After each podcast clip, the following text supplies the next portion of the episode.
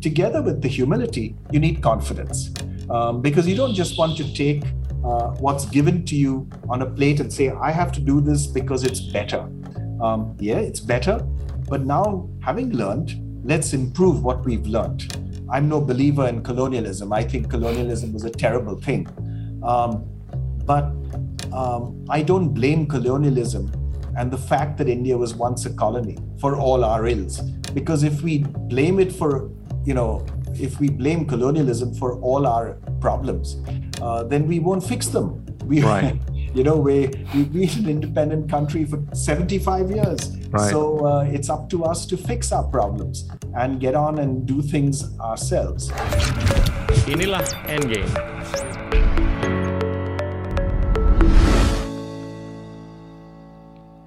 Halo teman-teman, hari ini kita kedatangan Noshad Forbes. Uh, beliau adalah pimpinan dari Forbes Marshall uh, dan juga mantan uh, pimpinan uh, dari CII atau Confederation of uh, Indian Industries. Noshad, it's a, it's a pleasure to have you on our show. Thank you so much. Thank you very much for having me. Thanks. Yeah, you, you've uh, you've accomplished so many things, uh, but as I as I do with all the other guests on our show, uh, I like to dig up a little bit on on your early uh, childhood and where you grew up and how you got you know hooked up with Stanford, where you spent a lot of time studying and lecturing, and then all the way to your you know uh, recent gig of writing a really nice book, which I think resonates with a lot of people in Southeast Asia. Please tell us. Sure. So, so grew up. I grew up in uh, in India. Uh, was born in born in uh, what was then called Bombay, was now called Mumbai, um, and but really grew up in the city that I now live in, Pune. Um, had all my schooling here. Uh, went to the US for college when I was uh, 17, I suppose, and um, ended up uh, doing my bachelor's, master's, and PhD all at Stanford, one after the other. And I was there for um, so many years that by the time I finished uh, in the industrial engineering program, I uh, I'd been there, as I say in the book, I'd been there longer than you know half the faculty and all of the furniture. So uh, I was really there a long time. Uh, and then I continued to teach a course there once a year for a further 17 years. So it was a very long association and I, I, I, love the place. I mean, it's a, uh, it's a wonderful university physically, and it's a wonderful university in terms of its intellectual environment. Uh, the brightness of the students is wonderful. I mean, they're so easy to teach because they're just so bright. Um, and uh, uh, it was a place that it's a place that I love going back to and sort of wandering around the campus, you know, hearing what talks are being given and so on. It's a very vibrant, uh, a vibrant pleasant, almost idyllic place to be. Uh, uh, in, in, terms of uh, in, in terms of you know after I came back to to India, I, I split my time between working in our family business. It's an engineering business that my father started in 1946. Um, my brother and I um, have been running it for several years, uh, and uh, um, I split my time between the family business and then going back to teach my course. And over the years, I got more and more involved in different things in India, right. you know, university industry interaction groups and so on. And one of the things that I got very involved with was the Confederation of Indian Industry, right? Um, and uh, uh, played various roles uh, with the Confederation of Indian Industry over several years, including in you know in their higher education committee, in their international group, in uh, in, in in their in their technology committee and so on. So uh, that got me quite involved with policymakers and uh, policy making, uh, especially when the, the the year that I was president and the and it was uh, it was really coming off that period that prompted me to say, well, maybe I should write a book, and I should write a book on. I came I came off my CII president year in 2017. Um, and I came off it sort of really, well, I was really impressed by our potential. I came up, came off it saying, you know, we have so much potential in India as a country. Right. Um, and by the way, I should say that, you know, I, I've, I've not spent enough time in Indonesia. I've only been, I've visited maybe three or four times. And each time I've visited, I've, number one, felt completely at home and very comfortable. Um, in in in many ways, which maybe we can talk about, both good and bad, by the way.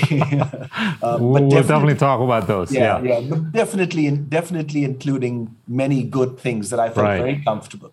And second, uh, I I just get this exact same sense of potential. You know, of uh, these are you know I think both our countries are countries of just tremendous potential, um, and we. Uh, uh so so so I thought, well, I should write a book about our promise, um, and also write, you know, very clearly uh, talk about the things that we struggle with and how we right. can struggle less and focus on the things that we do really well and where we have great strengths. So that really is what prompted me to say I should write the book. Uh, HarperCollins then asked me if I would write a book, sort of as a you know almost in parallel. They were reading, I think, articles that I was writing in the papers, um, and um, and I I said, well, a good way of I know I know how I work, and if I'm going to do something that's out of the ordinary, like write a book, I better commit to doing it and you know have a deadline, otherwise it'll never get done. So so I did. Um, I did that in 2019, and wow. Um, how long did it take you to write that book? Well, so so so I did as I say I did that in 2019. What I did not know and the world didn't know in 2019 was that the pandemic was going to hit in 2020, early 2020. And when it hit, and when I wasn't traveling at all, I said, you know, if I don't write the book now, um, I'll never do it. So I said, this is an opportunity to actually focus and write. Uh, so essentially, between March 2020 um, and uh, I sent it to the publisher finally uh, in July 2021. Wow. Um, okay. So about 15 months. But okay. really, the book was done in March 2021, okay. sort of in time to send to the publisher. Uh, and then I delayed sending it because, uh, well, the, the, the second wave, the Delta sure. wave, hit yeah. India at that time. And it hit India so badly the uh, Delta. Uh, I felt yeah. I, that I felt I needed to go through the book and actually edit it to reflect uh, some of those experiences in terms of governance and what we, what our strengths are and what we struggle with. Wow, so that's sort of the story, if you like. Yeah. Let me let me set the scene for our conversation with something you described or something you alluded to in the book, where in 1980 China's GDP was equivalent to that of India. Yes. And in a span of a few decades, things changed dramatically. And, and weave us through your observations in the book and your observations outside the book in terms of how that would have happened between China and India. Sure. So, so you know, India and China, as you mentioned, in 1980 had were at the same level of per capita GDP. In fact, India was slightly ahead uh, right. in 1980. Uh, today, as you know, China is um, uh, five and a half times India in terms of per capita GDP. Yeah. Um, and this this growth for China has come, uh, and this change in in in, uh, in in our role in the world, in a sense, has come at a time when India has actually been growing very rapidly too. So India has grown at 6% a year for the last right. 30 years, which is the fastest we've grown in our history, actually. But China, in that same period and also in the 80s, uh, grew at 9% uh, a year. And that differential of 3% growth over 40 years wow. uh, is what's delivered this huge difference in where we are now, where China is today over five times richer than India is. So now, how did China do it? Um, with uh, uh, a huge focus on export oriented, yeah. labor intensive manufacturing. Um, in the early years uh, under Deng Xiaoping, uh, you know, in the uh, with with a lot of agricultural reforms as well. Right. Uh, but in later years, from the 90s onwards, very focused on moving people from relatively low productivity agriculture into into modern manufacturing.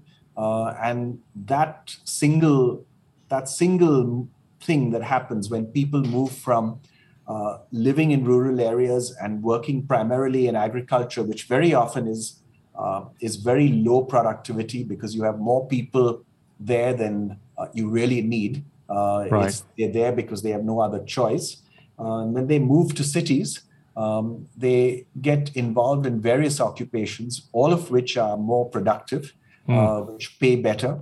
Uh, and if they can get into manufacturing and modern manufacturing, you get a huge jump in productivity. I mean, a right. typical, to, to give you the, the Indian number, um, you know, if if every every one of the 400 million people in India's labor force uh, were employed in modern manufacturing, we're not. I mean, you know, only only sure. 30 million are. But if sure. every every of the one of the 400 million was in, employed in modern manufacturing in India and had the same productivity as the 30 million people who are employed in modern manufacturing, India would not just be as rich as China, we would be much richer than China. Uh, we would actually be as rich as South Korea, uh, yeah. which is a country that has 15 times the per capita GDP. It would be, yeah. would be 15 times richer than we are now. You, you attributed uh, this difference between China and India to leadership, amongst other things, and or the differential leaderships. And, and leadership really relates to three elements that you mentioned in the book institutions, economy, and culture. I, I want to talk about the institutions part. Talk, talk about how you would have seen institutional building taking place in China in a very different way compared to how you would have seen institutional building taking place in India thus far? Well, you know, my my my take now, first of all, I should say that I'm not I know a certain amount about China. Um, yeah. So, uh, but I'm no I'm no specialist, and uh, uh, so I'm going to just give you impressions. Uh, you know that I've that I've sort of that I've formed over the years from a few visits and uh, some reading uh, right. on, on on China.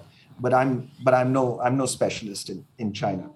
Um, the sense I have is that in China, the state has played a really critical role in the success so far uh, of its uh, of its development journey. Um, the state has uh, played the leadership role in economic policy, the leadership role in deciding which fields to go into, how to educate people in more and more uh, sophisticated ways, how to set up institutions, you know, schools and institutions of higher education that right. are uh, more and more research oriented, uh, investing and subsidizing investments in technology and R&D uh, on a very substantial scale, and indeed even investing and participating directly in the economy through state-owned enterprises. Uh, so it's been very much of state-led development. Um, the argument that I make is that India is different, and I sense that Indonesia actually shares more with India in this respect Absolutely. than it Absolutely. does with China. In that um, the the role that the state plays uh, needs to necessarily be quite different. Yeah. Uh, the role that the state plays in it seems to definitely in India, and I and I would think also in Indonesia needs to be as more of an enabler and less of a doer. Uh, so not deciding which fields one should invest in or what plans should come up or how much should what technologies one should develop but instead enabling private entrepreneurs and enterprises to do the right thing um, for the country and NGOs to play their part actively and more actively in the country. Now, if you want such an environment to operate effectively, then you need institutions. Hmm. Uh, it's not that China doesn't have institutions, it does have institutions, and it's built up many institutions over these 40 years uh, that have, you know, whether it's institutions of higher education, etc but the autonomy and independence of those institutions varies quite significantly. Um, There is uh, this state directed approach to Correct. wider development, including institutional development in China.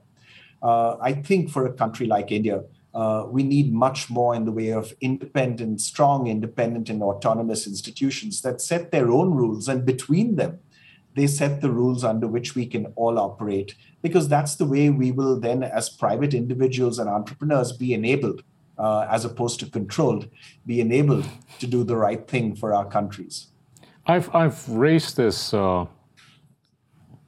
paradox a few times uh, in, in classrooms and also in conversations where an autocracy like China, ever since 1978 or 1980, has been able to democratize talent much better than many democracies around the world, where they have not been able to democratize talent as well as an autocracy like China has.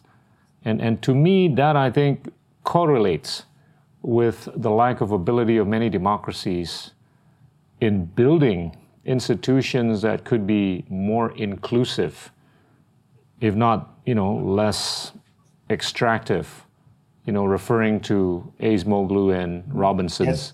book, you know, uh, Nations Fail, Why Nations Fail. And, and you kind of alluded to that. Would you agree that the inability to build inclusive institutions in some democracies, call it India or Indonesia or many others, is, is a bit paradoxical in that it, they have not been able to democratize talent the way we've seen democratization of talent in an autocracy like China? So, you know, it's, uh, you, you, you, you've seen in my book, one of my favorite quotes is, whatever can be said about India, so can the opposite, you know, from the British economist Joan Robinson. Right. And I think it applies here too, you know, that the we've been able to actually democratize talent in certain areas. Right. So, for example, if you take um, startups and unicorns, uh, you know, in recent years, India has this. We've been a big success story in the number of unicorns. You know, over a hundred unicorns. Um, you know, countries, uh, companies with a valuation over a billion dollars that that have uh, that have started up in India, uh, in different parts of the country, but mainly concentrated in Bangalore, but single largest group. Right. Um, so we and that's in a sense it's that's a that's a form of more inclusive growth. It's not you know it's not just the traditional industrialists um, who keep getting bigger and bigger and bigger. Uh, yeah. you also have these new entrants um, that are starting new enterprises that compete and very often outcompete uh, the incumbents.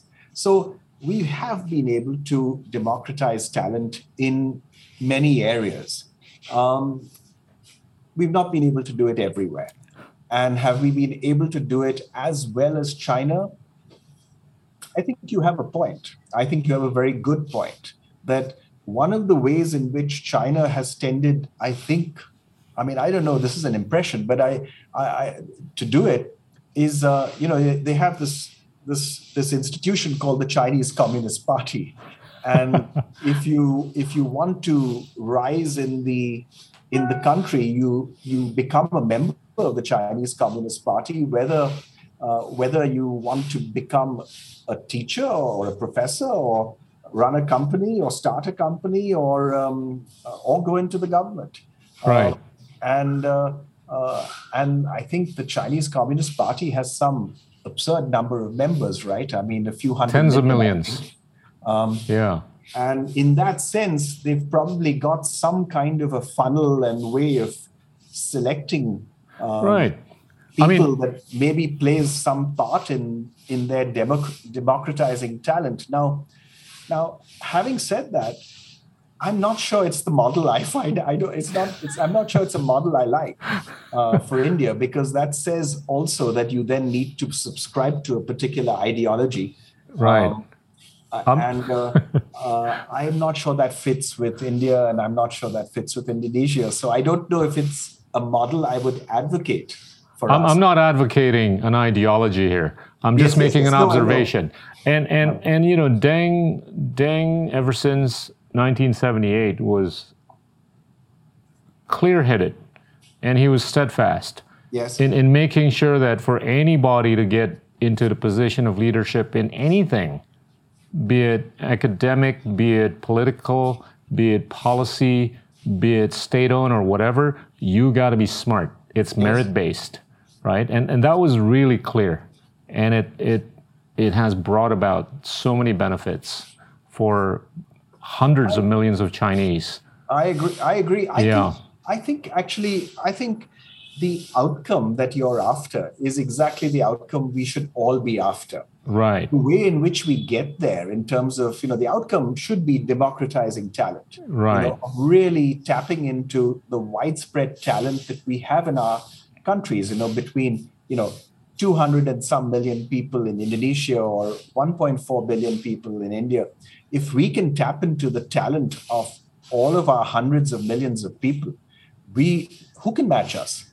Um, Yeah. Because we've then we're then really going to get the the best, and and and that then does involve uh, a lot of institutional development and it involves a lot of investment in education, it seems to me.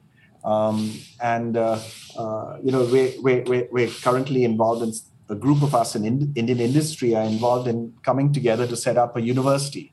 And one of the goals of the university is to really try to identify uh, talent, try to identify kids when they're 12, 13, 14 years old and who are really smart and provide them with all the input that they need so that they can later get into the university on merit, competing with the best from everywhere. Right. And I think if we can if we can do that uh, and do that more widely through many such efforts, you know, in our societies, um, that's the way to unleash our potential. I, I I think you're I think you're right on you're right on the button in saying that's one of the key outcomes we should all be after. You know, if, if you go to Silicon Valley, there, there is an assumption that, you know, 20 to 30% of the new ideas are coming out of Indians, yes. be, be it immigrants or, you know, Indian Americans, right? And and it's just, I think, a reflection of how India has been able to produce in large scales people that are just so well educated in the fields of science. Call it computer science, call it engineering, including yourself and all that. Doesn't that give you hope? I think Uh, and, and, and I watched this old movie called The Field of Dreams in the 80s, right? Uh, where there's a, there's, yeah, there's a famous saying, right? If you build it, they shall come. yeah. And, and by way of what I've seen India in, in transforming since the 80s, uh, I got to spend a bit of time out there in the 80s, you know, to now, uh, I think you build it. And isn't there a bigger belief and hope that they shall come? You know, not only talents from India, but talents from anywhere around the world. So this, I think, uh, relates to two parts which you talked about, kind of, right? You have been able to produce talents in scale. And number two, to the extent that India can show open mindedness with respect to talent coming from anywhere. So, you know, the hope is, is more easily realized, right? Absolutely, I fully, I, I fully agree. And the, you know, I, I do talk in the book a lot about openness, um, and Yeah. that you know that one of India's great strengths, and I think one of in, Indonesia's great strengths is diversity. Uh, you know, there are we have very diverse societies. I mean, India, uh, you know, especially so given uh, given the, the, the simple scale, given 1.4 billion people, right? Um, and you know, the an Indian from the northeast of the country looks different to an Indian from the south of the country, from Indian from the northwest of the country. We just look physically different. Um, we speak different languages. We use a different script. Um, I mean, it's uh, there's just huge diversity. Now that has the outcome that we're pretty we're pretty we're pretty able to offer something attractive for anyone. So you know, from people from other parts of the world, I think when they come and spend time in India, I mean, you know, I always say that people visitors to India are never indifferent to India. They either love it or they hate it. Um, but I've never come across in all these years anyone who's been indifferent, you know, who's sort of come to India and sort of said, oh, it's okay. You know it's either it's it, it, we we we tend to we tend to spawn very strong reactions you know of either just loving it or hating it and i think many more people loving it and right. and i think that is because they feel so comfortable uh, they make friends uh, very good friends people who they share interests and values with um, almost regardless of where they come from and what field they come uh, they come to India for. Um, they uh, uh, they find different cities that offer different things. They find India very attractive from a tourism perspective, but also from an economic opportunity perspective. So there's a huge amount on offer, um, and that uh, makes us very attractive if that if we really want to capitalize on that then our policies need to be completely open to right. welcoming everyone from everywhere uh, and making it easy for people to come here and uh, uh we've gone some way in that direction um, in these last in these last 30 years but it seems to me that in the last few years uh, maybe the last four or five years we've um, become somewhat less uh, less open and welcoming, even though we will officially keep saying we are still as open and welcoming as we were. but I think uh, I think we've um, uh, we've turned away from that a little bit, and I hope we will turn. It's not. I wouldn't say it's. We haven't in any way gone back to where we were in 1991, but um, uh, I, I I hope that some of the smaller recent reversals that we've seen will re- get reversed again and we'll go back to keeping on becoming more open making it easy for not just people of indian origin to come to india and work in india but people from all nationalities and all countries you know if they want to come here make homes here make enterprises here make careers here um, we have we have opportunity and space for everyone because there's uh, there's so much that needs to be done. Uh, we we've seen this trend of populism or increasing populism in many countries around the world. Yes. And and I've seen that as as, as something that would hinder, you know, any country's desire to be more open-minded. And it just seems pretty structural you know, in, in many countries, this, this trend of increasing populism. Are you concerned with that as a potential hindrance to your desire as a nation to become more open minded?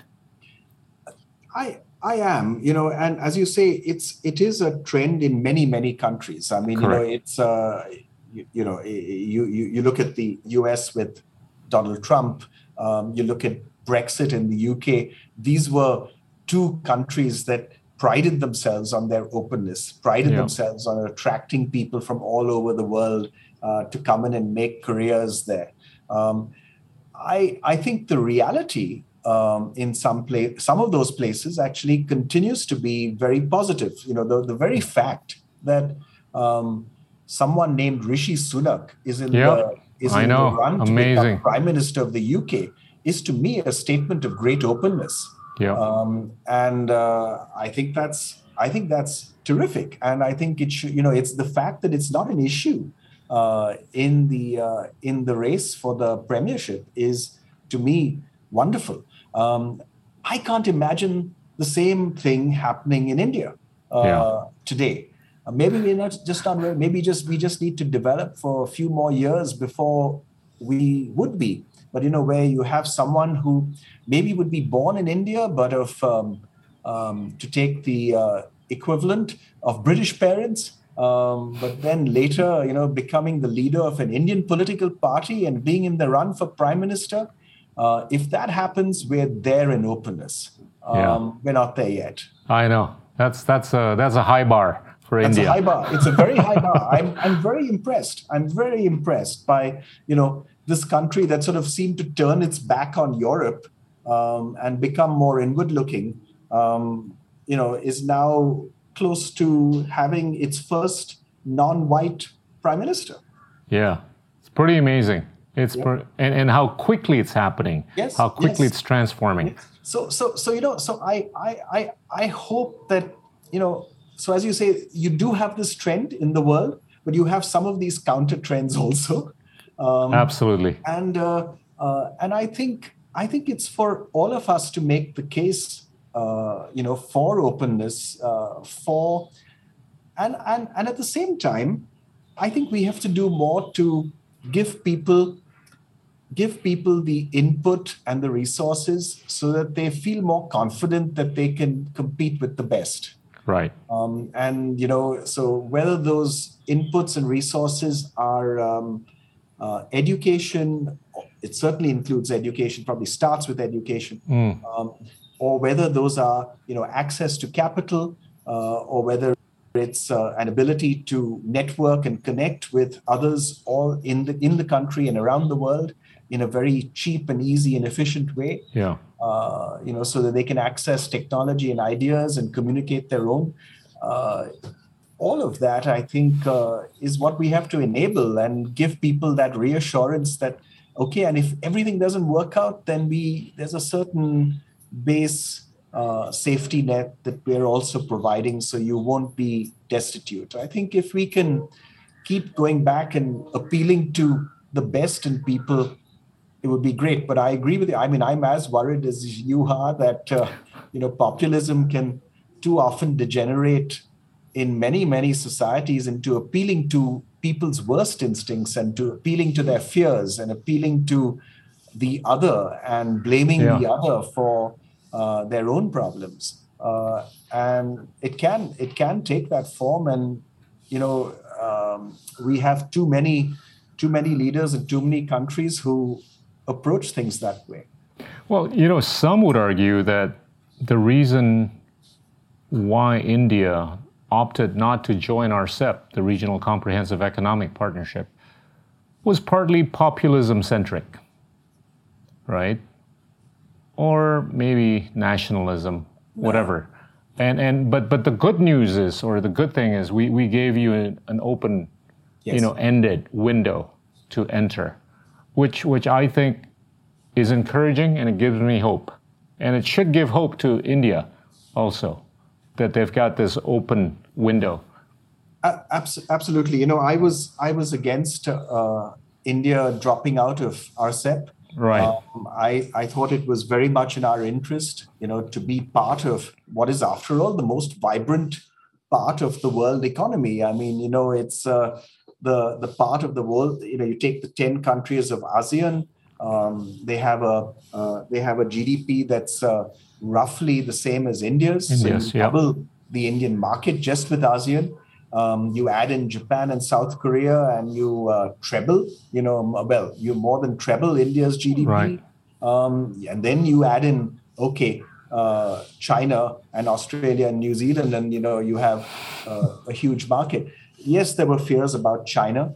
Um, my sense is, and my take is, that the challenge in RCEP was a challenge that came from Indian industry, and I'm, you know, it came from my uh, my colleagues uh, who were afraid of um, competition from China, afraid of imports, uh, and that was the trigger for us, you know, then uh, arguing against RCEP. Uh, and unfortunately, the government listened to us uh, and did drop out of the uh, the process. But I'm I'm also very happy that um, the door has stayed open for India. Right. Uh, the challenge for us at present is actually China.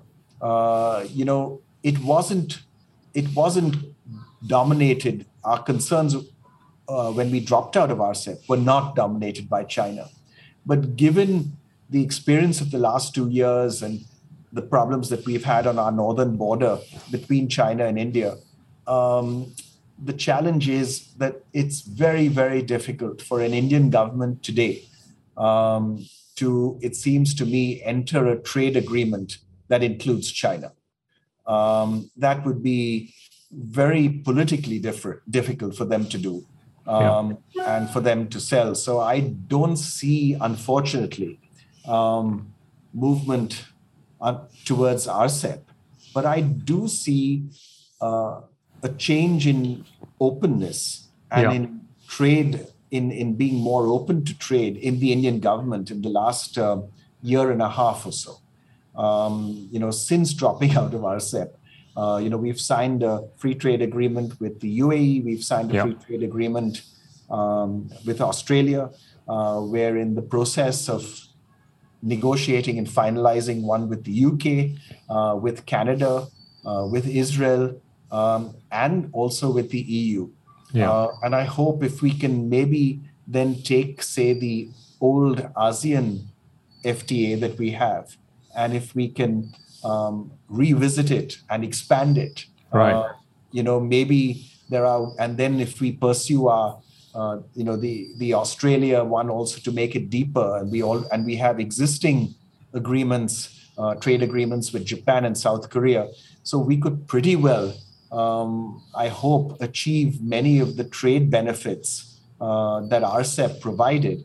Um, it would have provided it more easily, uh, yeah. But uh, instead of doing each one separately, but if we can push in that direction, maybe there's an opportunity uh, for us to get many of the benefits that we would otherwise have got uh, mutually uh, between between Asia, within Asia more generally. I hope so.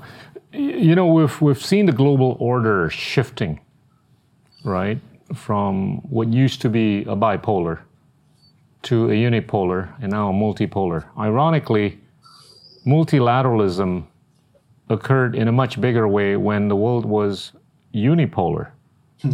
because one guy basically could tell everybody else what to do.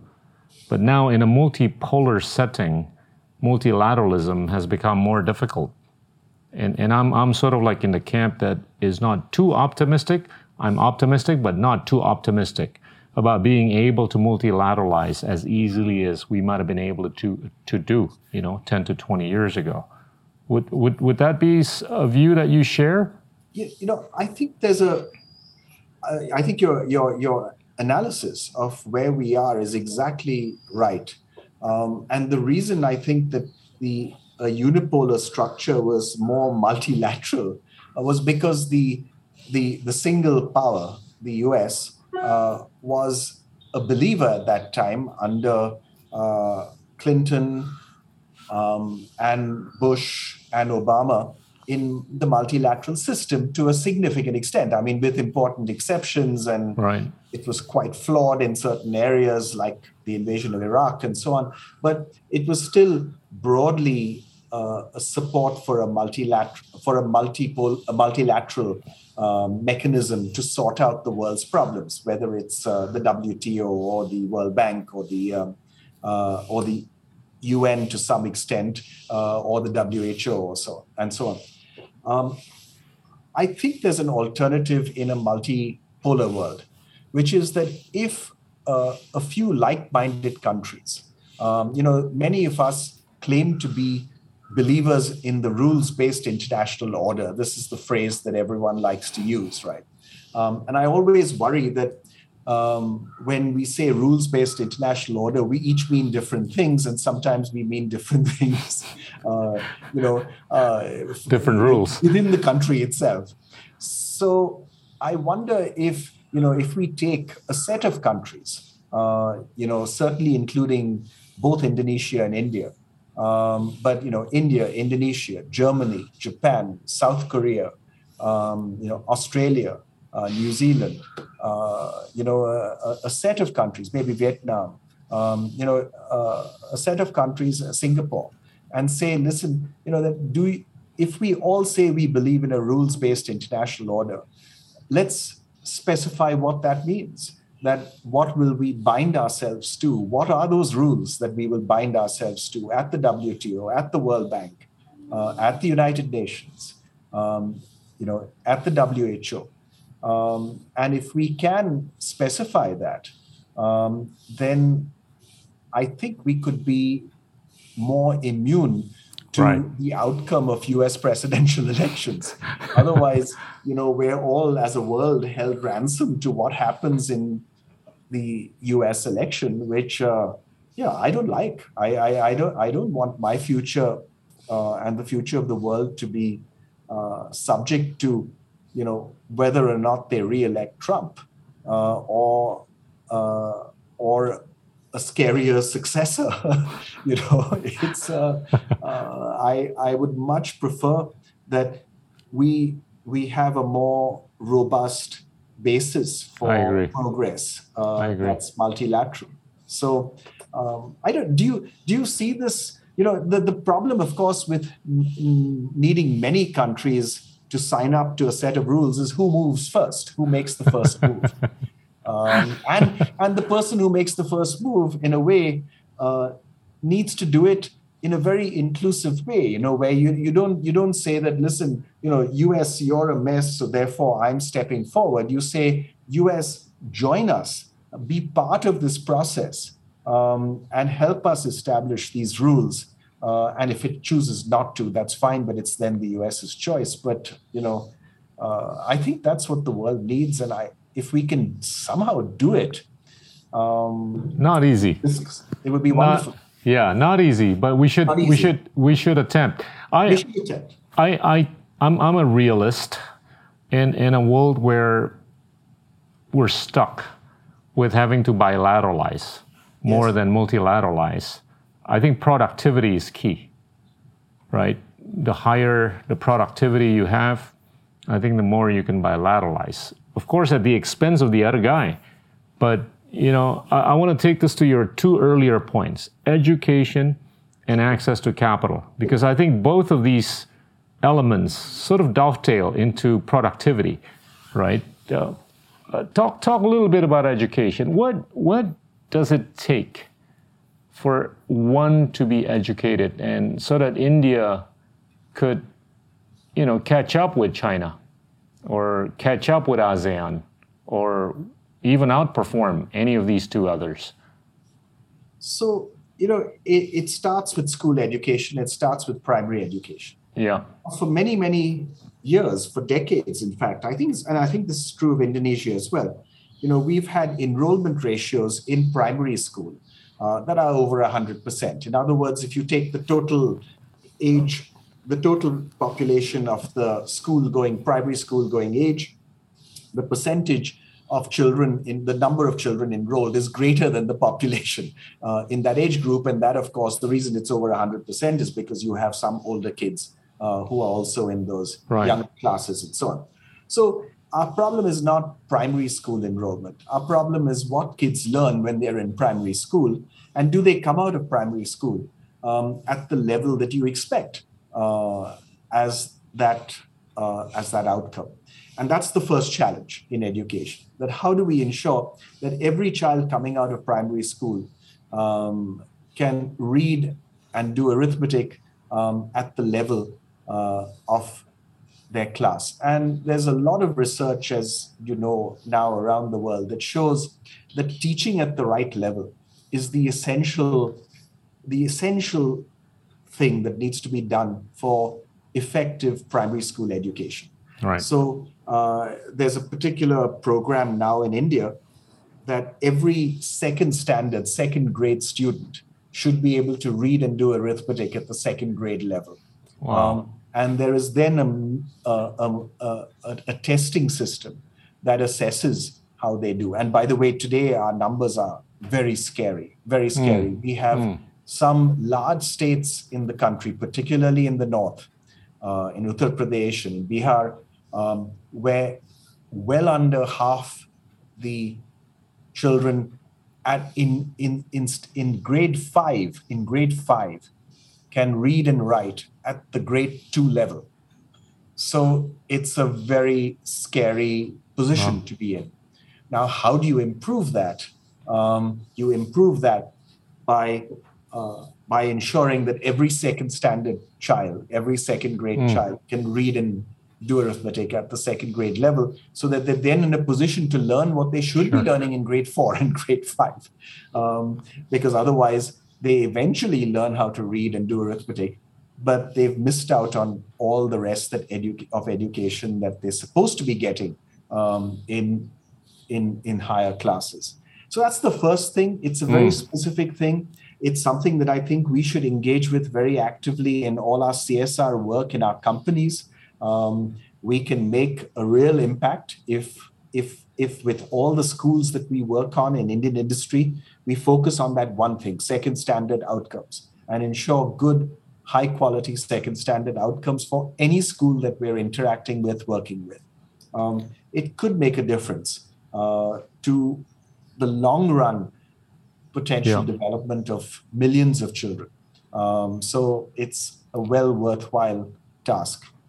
You, After that, it's a matter of keeping kids in school through high school. I agree. Uh, through middle and high school.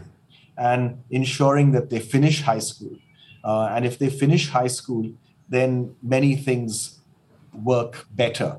You know, yeah. girls get married later in life. They yeah. have more autonomy and control over their lives. Um, a whole set of things follow. Uh, they have access to jobs that they would otherwise not get.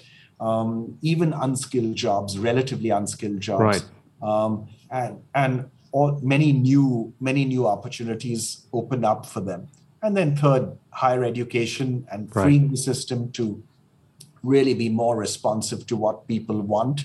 Um, lots to do there, but I think the widespread impact of improving school education will be much greater uh, for uh, for both our countries. Interesting, interesting.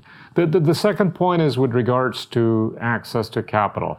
Uh, I'm gonna take you to foreign direct investment, right? And if if we take a look at a number of ASEAN countries, their FDI on a per capita per year basis is around $100 for Indonesia, Thailand, and the Philippines. Give and take. Sometimes higher, sometimes lower. India is lower than that. Singapore is at sixteen to nineteen thousand dollars. Yes. On a per capita per year basis. Yes. You you alluded to Singapore as a country of competence and governance. And you know, you, you talked about how you met up with a minister, and by the time you met with the second minister, he would have been briefed, you know, with the results of the earlier meeting with the earlier minister and everything else. Uh, how do we get the needle up from $100 to $19,000 from your perspective? Well, well, you know, uh, first of all, we can't get it up to nineteen thousand dollars if you multiply the nineteen thousand by one point four billion people. I mean, it'd be in the trillions. Yeah, I mean, it would, it would, it would just be a right. Be maybe, maybe to a thousand dollars per capita per year. to a thousand. A thousand dollars would be fabulous. Would be right. fabulous. And by the way, there are opportunities for productive investment in India uh, that are uh, that huge. You know, India needs to invest uh, the general view is, by the way, that India needs to invest something on the order of 20 to 30 billion dollars a year, a year, on infrastructure alone.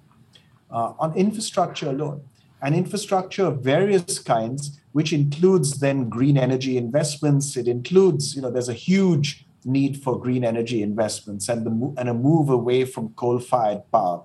Uh, there's a huge need uh, for investments in um, all the, you know, in railways, in uh, ports, in the road network, um, in educational infrastructure. Uh, there's, you know, we have, um, there are opportunities everywhere, and these these are projects that will have very attractive returns um, for investors. Uh, so the opportunities are there. It's a matter of I think uh, trying to get everyone in to do it. Um, you know, it's uh, we're we've been working very. You know, you mentioned Singapore. We've been working very closely with the uh, the two sovereign wealth funds of Singapore, and uh, uh, both uh, both you know GIC and the and uh, Temasek are very actively involved in India. They have high investments in India. They're growing their investments in India, and we should encourage much more of it. Uh, we should be really welcoming and helping them go faster. Uh, and uh, I think I think if we do, they will invest even more and um, make India a bigger and bigger part of their uh, of their portfolios. Um, so, you know, India, by the way, and Indian companies are a are a part of that $19,000 of FDI in Singapore. Um, Indonesian too. yeah, Indonesia too. It's right. That's right. That's right. I mean, you know, um, many Indian companies that do business in Indonesia, uh, it doesn't show as in, in investment from India. It shows as investment from Singapore. Correct.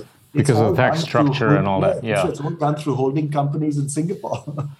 but I, I, think it's safe to assume that Singapore has been able to project itself as a country that's very clear when it comes to yes, you know, enforceability of rules and regulations. That's that's where I think uh, you know some other countries um, you know still need some work on. You know, Singapore is well known as a country of law, whereas some others is well known as a country of lawyers. We just need to make yes. sure that you know it becomes more of a country of law. Yes. And and that I think will dovetail into greater realization of foreign direct investment into the respective countries, right? I absolutely agree. And you know, one of the things that we need to work on in India is actually contract enforcement. yeah. Uh, and the speed with which uh, disputes get resolved uh, in courts and in our court system. It's a big gap today. Um, and it's actually an area that should attract much more attention and focus because that will, I think, show directly in our attractiveness as an investment destination. I want to I want to bring up another point uh, that you alluded to earlier uh, in the book. You know, 500 years ago, the GDP per capita of the richest was twice as high as the lowest. 200 years ago, the GDP per capita of the richest or the highest GDP per capita was five times. Today, it's more than 300 times more than the lowest GDP per capita in the world. This, this relates to the topic of inequality, right? And I'm just in awe with how it has changed so dramatically, right? The richest vis a vis the poorest at a time or during a period when we've seen so much more financial inclusiveness, so much more liquidity being pumped, and so much of this financialization, be it at the individual level, the corporate level, and the national slash government levels. It just seems that financialization has not really float into the right places, right? How do we fix this, Naushad? It's a, I mean, it's a very good question. I'm not sure I have an answer for you. You know, it's a, it's, I, I think it has. You're quite right that you know we've seen unprecedented financial flows, um, unfi- un- unprecedented financial availability uh, in terms of investments that are taking place all the time, new new financial instruments that have been invented, and so on. Um, why isn't it showing in uh, significantly more inclusive growth? Now, some people would argue that the 90s and 2000s, not so much the 2010s, but the 90s and 2000s, that the world actually did do very well um, there was convergence that took place between the poorer world and the richer world. Right. Poorer world, emerging economies grew faster than the richer economies, etc. Mm. Yeah.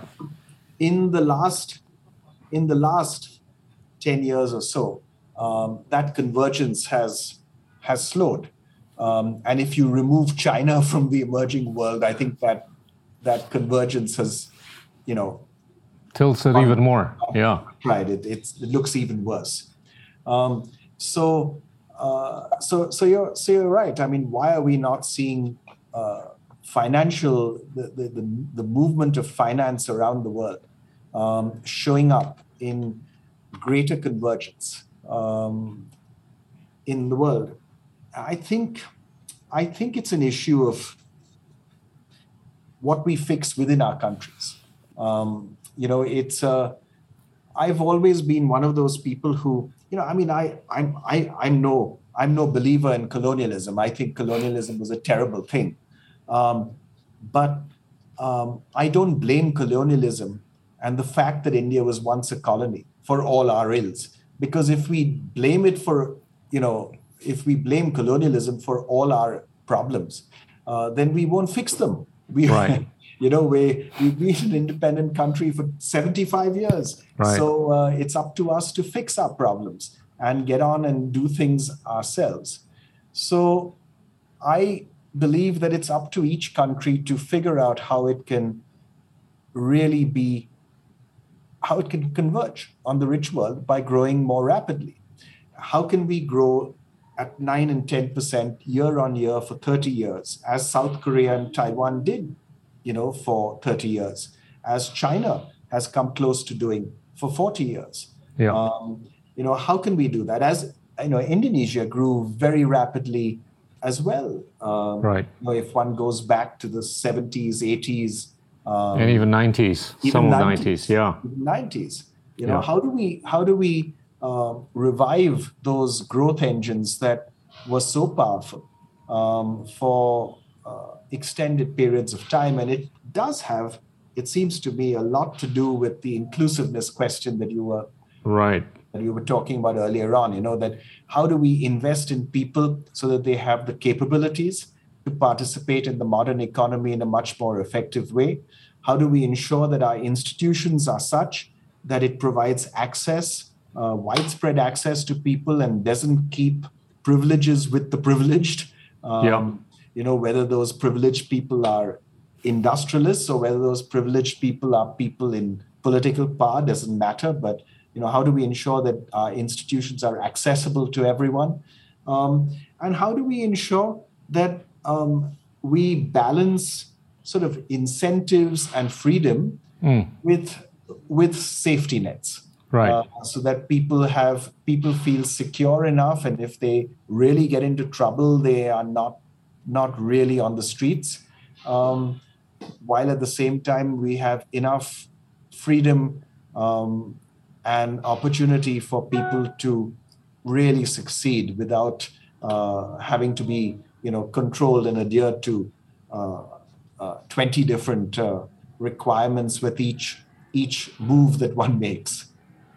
You know if, if you take a look at asean vis-a-vis china in the last 25 years asean's economy would have grown around three times whereas china's economy would have grown nine to ten times during the same period of 25 right. years right right I'm, I'm sort of optimistic about the next 25 years uh, in, in the sense that, you know, by way of the unicorns that we're seeing emerging in Southeast yes. Asia, we're talking about unicorns that have been able to empower low tech, not high tech stuff. Yes. And, and, and by way of the pre existence and the continuing existence of what I call the tech enabled disruptors, in low tech fashion, we're going to be able to create so much delta in value. And, and that gives me optimism for Southeast Asia. And, and this is even on the back of the fact that perhaps in some countries the politics is not perfect, but there's enough political, I mean, there's enough institutional building inertia that will ensure that there's going to be enough stability for the region to, to get money and to boost productivity and to create the equity story that's needed for the next 20 to 25 years. And I kind of see it the same way with India, where, where I might even think, uh, you know, India can actually employ or empower more of the high tech stuff because you guys are ahead of, you know, some of us, if not many of us in Southeast Asia. That, that gives me hope for both, you know, ASEAN and India, you know. I share your hope. I share your hope. I think it's. Uh, I think that's exactly that's exactly right. And you know, you see you see a lot of change, right? In both uh, in in both ASEAN and in and in India, in in solutions that are being deployed all around us. Uh, and you know, okay, including Grab and Gojek and everyone else, but I mean, you know, it goes well beyond that to delivery services and uh, unfortunately, it tends to be quite service oriented. Uh, I, I, wish I wish it was also more manufacturing oriented, but uh, that's okay. That's okay. I mean, absolutely. Let's get all the enterprises we can. Right, right. I mean, uh, look, I mean, you know, I've, uh, some of the stuff we read out of Silicon Valley when they talk about the applications of the five disruptors, right? Call it artificial intelligence, robotics, genomics, uh, energy storage, and blockchain. Some are even opining that you know these five disruptors could entail over 200 trillion dollars worth of hmm. economic delta in the next 10 to 20 years. I mean, if we just take a bit of you know a bit of bite of that, it's it's going to be massive for a 3.3 trillion dollar economy in Southeast Asia, and at least similarly with India, right? Very much, very much, and that means as you know as what we were talking about earlier on that means being open being accessible encouraging people from you know we have so many i mean you mentioned all the indians in silicon valley. You know they they say that, you know they, you know you know they, they say that silicon valley is built on the ic and ic stands for indians and chinese or should stand for that. So you know and it's and and and and i mean you know really being open to to people investing in the in at, at home and then coming back to uh, you know coming to coming to asean and coming to india and so on you know, you see this, by the way, Singapore has this large expat population, right. um, you know, who are uh, entrepreneurial, who invest, uh, who use the place as a base to do business in the region. Uh, I mean, it's uh, they're they're they're resolute. When when they know you're smart, they'll they'll give you a job, and when they know that you're going to be able to pay taxes good enough, they'll give you a passport. Yes. you know? and and that's that's a policy and a philosophy, you know, that have been in place for, for quite a long time. Yes. I, I don't think Indonesia will get to that point anytime soon. Uh, it's just a bit more open-minded than you know I would have hoped Indonesia to be. Uh, similarly with India. Uh, yes. I, I wanna I wanna bring up uh, your point from the book with regards to you know, being patriotic by way of being critical and being humble. Yeah. Elaborate on that. So, you know, uh, so, so I, I, I believe that if you want to progress, I'll come to the patriotism and sort of critical question second. But the, you know, first, if you want to be, the reason humility matters is that um, it's the way to be a good learner. And I think as societies, we need to learn from the best that's being done elsewhere. So, what, what is being done in Silicon Valley, but not just Silicon Valley? What is being done in Jakarta that we can learn from to make Bombay a better city? There are many things we can learn. And we will only learn if we have the humility that says we have something to learn. And because that will make us open enough to look around us and see and appreciate what's being done that's better. And if we can learn from that better, then uh, we, we, we can move ahead that much faster. Together with the humility, you need confidence um, because you don't just want to take uh, what's given to you on a plate and say, I have to do this because it's better. Um, yeah, it's better. But now, having learned, let's improve what we've learned um, and take it further. And that then requires confidence. So it's a balancing act between having the humility to learn from the best that's going on everywhere and from everywhere, and I do mean everywhere, not just from the West, from everywhere, uh, from each other, um, and having enough confidence to then improve on what we learn wherever it is we learn from. So that's one piece.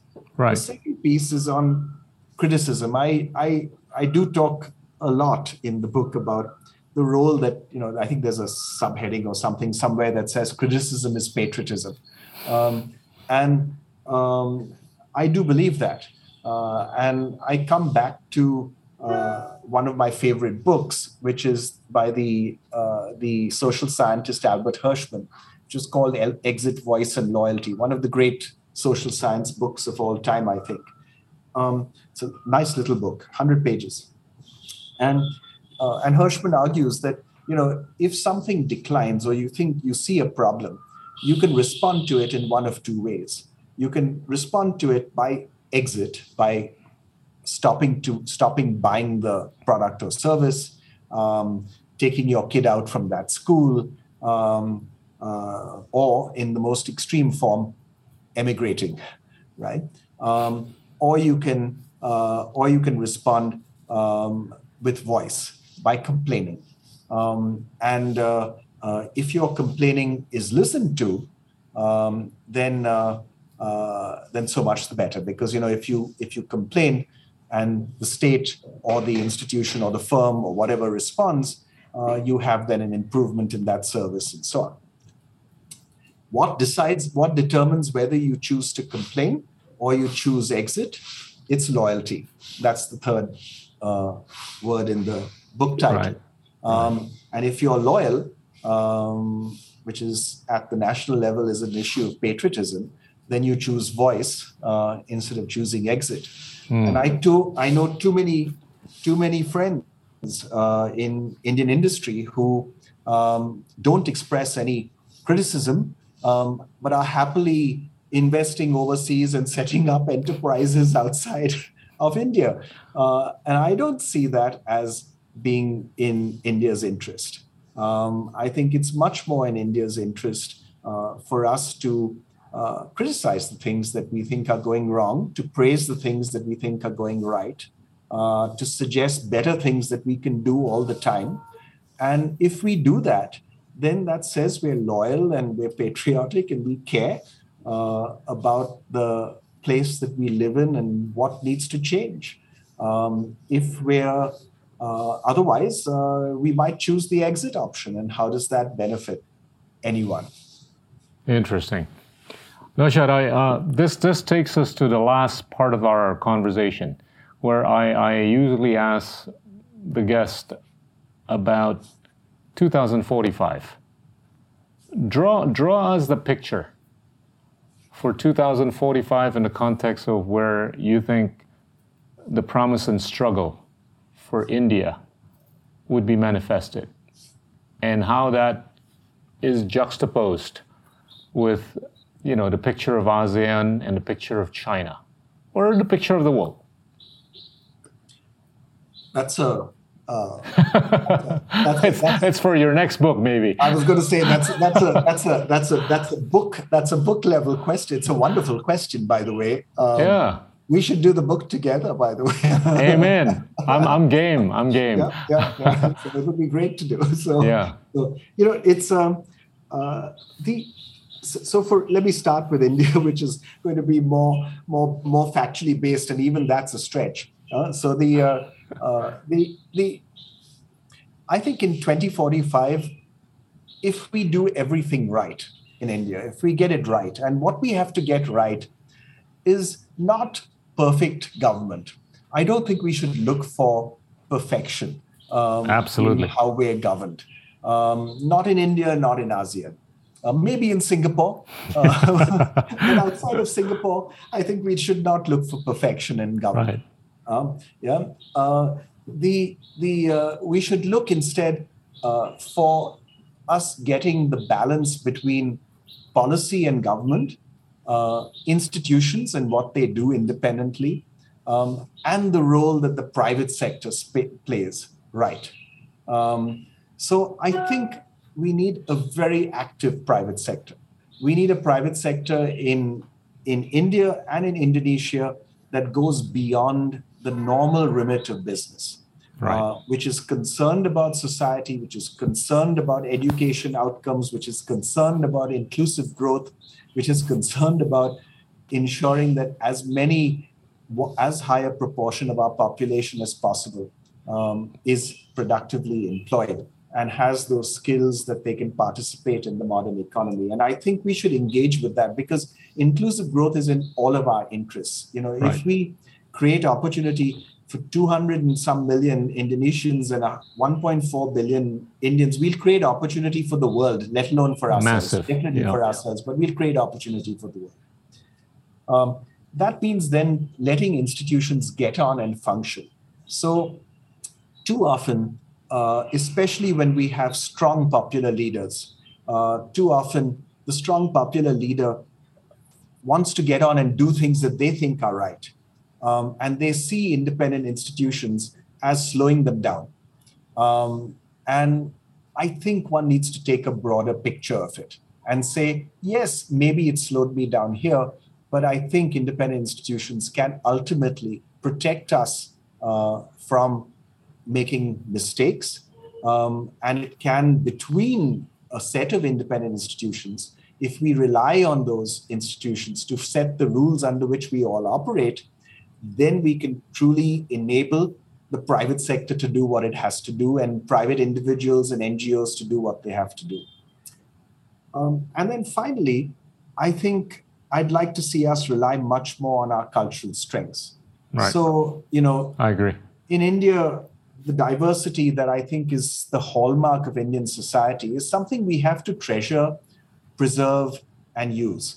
Um, and uh, any time that we work against it, um, and I worry, I worry about social cohesion in India.